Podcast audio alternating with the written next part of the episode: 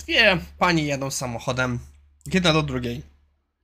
Czasem się zastanawiam, czy brytyjscy deweloperzy ym, są bardzo poirytowani tym, że w CSS-ie muszą pisać kolor.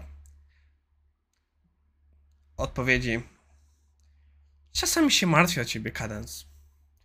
Dla niekumatych, yy, British English ma kolor pisane przez OU, wersja angielska, która w CSS-ie jest bez U. No i zaczynamy dzisiejszy odcinek, gdzie będzie duchy umarłych frameworków, zespół kręci się w kółko i dzisiaj zrezygnujemy z różności. Za chwilę wam powiem czemu.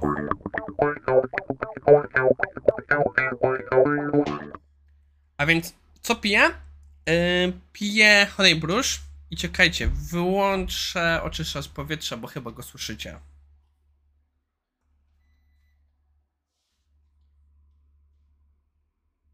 Okej, nie wiem, nie wiem czy słychać, ale jest jakieś takie rytmiczne bum, bum. Myślałem, że to było oczyszczacz powietrza, ale to nie jest to, coś innego mi łapią słuchawki. Anyway, e, Honey Brush, super sprawa, E, smakuje tak trochę miodowo, takie drewo miodowe, ale nie polecam robić go na zimno. Próbowałem samego na zimno, ostatnio próbowałem także zmieszanego z... Jezus Maria, mam, mam przed wymawiam tą nazwę i mam pustkę. Y, To czerwo... Hibiskus. Em, z hibiskusem też nie wyszedł super, wyszedł bardzo przeciętnie.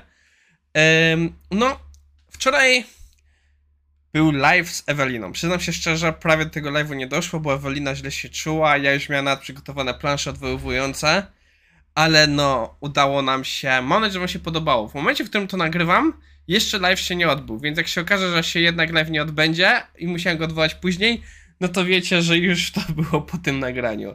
Ale nie boję się. Anyway, zaczynamy odcinek. Naszym pierwszym materiałem na dzisiaj jest ciekawa retrospektywa. Autor przygląda się frameworkowi Silverlight.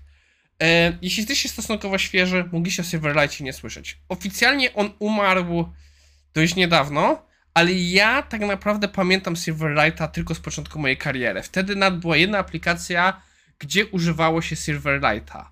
E, I em, tak naprawdę ja kompletnie nie zapomniałem, jak ten artykuł się pytał, bo takie, o tak, o, to się skąd wzięło. E, I bierze się tutaj dyskusja na temat tego. Autor wchodzi, że Silverlight po prostu nie był taki zły. I tak naprawdę wiele rzeczy, które by działy się z Silverlightem, dzieje się obecnie, więc warto się mu przyjrzeć, czemu mu się nie udało. E, Po pierwsze, o czym dyskutuje, to że jest ten mit otwartego weba i że Silverlight no wcale taki otwarty nie był.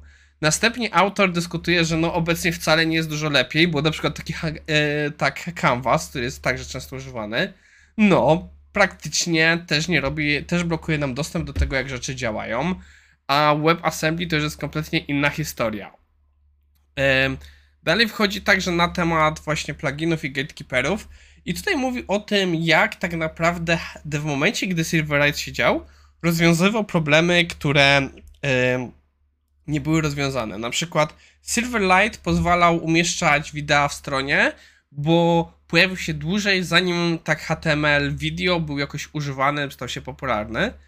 E, I tak naprawdę w pewnym sensie e, gwoździem do trumny Silverlighta w dużej mierze było to, że w pewnym momencie Apple i zbanował e, Apple zbanowało Flasha i zbanowało Silverlighta i że no Google Chrome zdisablował ten plugin. Ja myślę, że Google zdisablował ten plugin, bo oni się nie lubią z Microsoftem i to już nieraz było widać. E, I autor później wchodzi w taką ciekawy wątek, który myślę, że się sami sobie przeczytali przemyśleli, co ten autor mówi. O tym, że tak naprawdę w pewnym sensie zaczynamy zataczać koło, że e, wiele rzeczy, które wtedy się wydarzyło, widzimy ogólnie na rynku i także tutaj dyskusja, czy, czy to się nie zaczyna dziać podobnie, czy na przykład właśnie WebAssembly i Blazor to nie zaczynają robić tego samego, co już było i czy na przykład to będą zaufanie, czy ludzie będą pamiętać o tym Silverlightie, jak to się potoczyło. Więc ciekawe rzeczy się dzieją. Nasz drugi artykuł jest e, pomocy. Mój zespół kręci się w kółko. Jest tu dyskusja na temat tego, e, e, jak chodzi o to, że czasami próba hmm, empower, zachęcania, wzmacniania zespołu, żeby on sam działał, może się źle skończyć. Że tak naprawdę e, może to doprowadzić do sytuacji, że zespół będzie się kręcił w kółko i nie będziemy szli do przodu. E, I jest to właśnie pewne taki zestaw porad, jak można temu zapobiec, jak można tym pomóc. Przyznam się szczerze, ja mam podobne czasami wrażenia, że nie tylko tyczy to się zespołów, ale na przykład różnych gildii i wiele z tych rzeczy fajnie działa, że tak naprawdę pierwszą rzeczą, którą trzeba zrobić jest wskazać kierunek, gdzie idziemy, że musimy mieć zidentyfikowany kierunek, którym idziemy i musimy mieć to spisane, żebyśmy mogli się do tego odnieść. Tam idziemy, to może się zmienić, ale musimy mieć to spisane. I tutaj właśnie artykuł, autor mówi, jak to można wszystko wypoziomować yy, i w którą stronę idziemy, żebyśmy mieli tą spójną wizję. Yy, dalej Thatcher mówi, że jak już mamy to zrobione, to musimy się zastanowić, co potrzebujemy, żeby nam się udało. No nie było oczywista oczywistość, ale uwierzcie mi, bardzo mało osób to robi. I dalej jest już ta trudniejsza mo moment. Jeśli mamy być naprawdę robić empowering, musimy zostać coachem. Musimy nie rozwiązywać problemów, tylko sugerować zespołowi, dyskutować z nich, naprowadzać ich, ale nie mówić wprost, jak rozwiązujemy problem. I wydaje mi się, że to jest najtrudniejsza część. Um, no, ale rozmawialiśmy wczoraj o coachingu, więc mam nadzieję, że już wiecie, jakie to jest trudne. Mimo, że tam mówiliśmy o personalnym coachingu, coaching ma wiele rzeczy wspólnych. Okej. Okay. Piątek, piątunio, piąteczek. Mam nadzieję, że będziecie mieli danego weekendu i do zobaczenia w poniedziałek.